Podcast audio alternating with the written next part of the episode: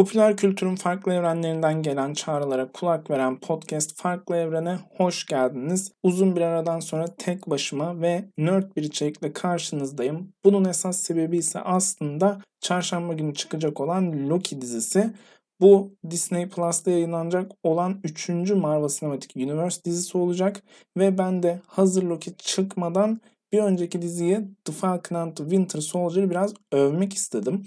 Bunun esas sebebi ise aslında benim daha önce her bölümüne podcast çektiğim teorileri üstüne yazı yazdığım WandaVision'ı Falcon and the Winter Soldier kadar sevmiyor oluşum oldu. WandaVision'a çok hype'lanmıştım. Prodüksiyon kalitesi olsun, oyunculuklar olsun. Evet başarılı bir iş vardı önümüzde. Ancak Falcon and the Winter Soldier'ın 5 özelliğini şimdi burada hızlıca sayacağım, öveceğim 5 özelliğini o kadar çok beğendim ki benim gözümde komple bir e, dizi olarak WandaVision'ın şu anda önünde. Açıkçası Loki'nin de bunu geçebileceğini düşünmüyorum. Loki daha böyle çerezlik, eğlencelik bir e, dizi olacakmış gibi görünüyor. Loki'nin Falcon and Winter Soldier'ı geçebileceği tek noktanın MCU'nun devamına olacak olan etkisi olacağını düşünüyorum ve aslında direkt olarak da buradan başlamak istiyorum. Falcon and the Winter Soldier'ın sevdiğim özelliklerinin ilki MCU ile iç içe yaşamasıydı.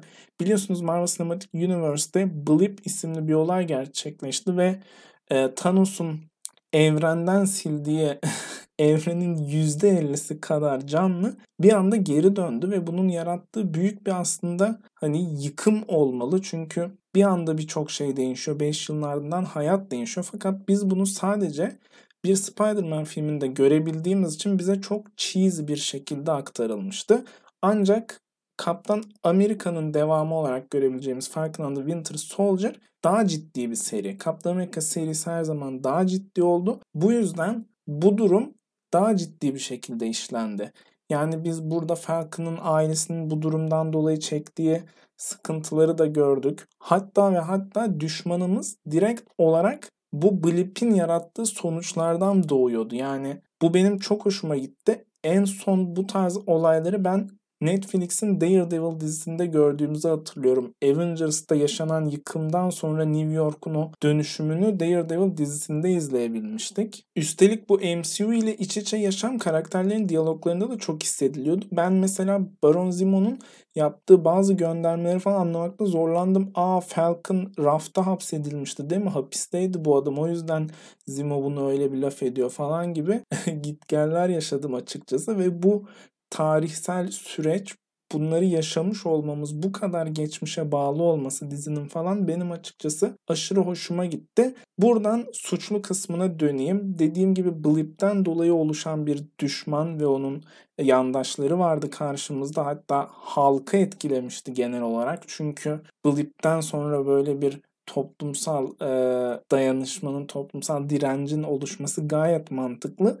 Bununla birlikte aslında suçluya empati de kurdurabiliyor ki bu yine e, Marvel Cinematic evreninde çok görebildiğimiz bir şey değil. Zaten Marvel Cinematic Universe genelde zayıf düşmanlarıyla biliniyor. O yüzden benim ikinci öveceğim nokta suçlulara empati kurdurması oldu. Yani bu tarz şeyler gerçekten de daha ciddi olan seri Captain America serisinde gerçekleşiyor. Keza üçüncü maddemiz gri karakterler. Bunlar da karakterlerin daha ciddi ele alındığı bir Captain America serisinde gerçekleşti. Yani bunu artık öyle diyeceğim. Zaten Falcon bir Captain America olduğu da artık Sağır Sultan'ın bile duyduğu bir olay haline geldi diyebilirim. Gri karakterden kastımsa aslında burada US Agent. Kendisi hani öldüren bir Captain America konumunda duruyor şu anda ve bence çok çok başarılı bir karakter. Başta e, hiç sempati duymadığımız o oyuncu da açıkçası yaşadığı gelişimle birlikte kendine serum vurmasıyla falan filan bence fazlasıyla yükseldi. Dizinin gözümde düşürdüğü karakter ise Sharon Carter oldu. Neden Sharon Carter'ı böyle bir konuma getirmişler açıkçası bilemedim. Agent Carter'ı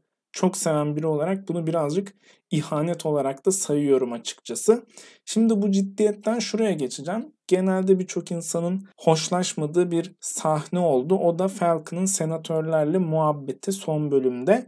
Yani açıkçası evet halkın arasında böyle bir sohbetin gerçekleşmesi gerçekten çok cheesy'ydi. Fakat Yani ırkçılığa dair bir şeyler söylemek bence çok önemli ve bunu hani Black Panther dizisinden daha iyi yaptığını düşünüyorum. Black Panther evet görünürlük açısından çok ayrı bir yerde duruyor. Ancak hani e, Falcon'ın çizgi romanlarda siyahi bir Kaptan Amerika olarak göreve geldiğini bilenler için şey çok ilginçti. Neden kalkanı almadı ki? Almadı çünkü siyahi bir Kaptan Amerika olunmasını insanlar hoş karşılayacak mıydı? Bu noktadan girip e, günün sonunda aynı zamanda böyle mülteci konusunu falan da işleyerek Falcon'a bakın siz bunlara terörist diyorsunuz da biraz da onları dinlesenize dedirtmesi ve yine Kaptan Amerika'nın Kaptan Amerika olan kişinin devletin kararlarının karşısında durup kendi düşündüklerinin arkasından gitmesi olayını gördük. Bunu da özellikle Captain America Winter Soldier ve Captain America Civil War filmleri çok iyi işliyordu.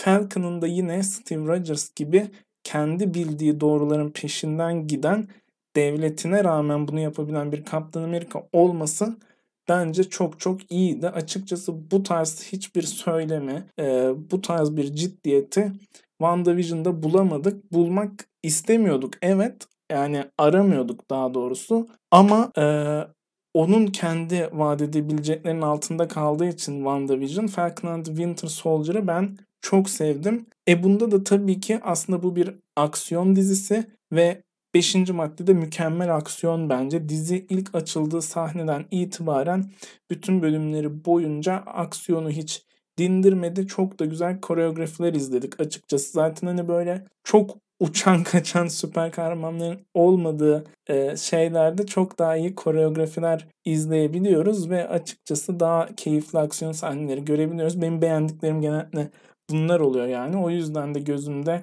Falcon and the Winter Soldier o WandaVision'ın fazla para harcanan CGI'lerine rağmen çok daha iyi bir konumda. Yani ben buradan sonrasında Falcon and the Winter Soldier sezon 2 diyorum açıkçası bir Captain America 4 yerine bu şekilde böyle 6 bölümlük daha uzun uzun daha güzel güzel tüketebileceğimiz bir Falcon Winter Soldier hikayesi bence MCU için daha iyi olacaktır diyorum. Bundan sonrasında da büyük ihtimalle Loki'yi konuştuğumuz bir podcast bölümünde görüşmek üzere diyorum arkadaşlar.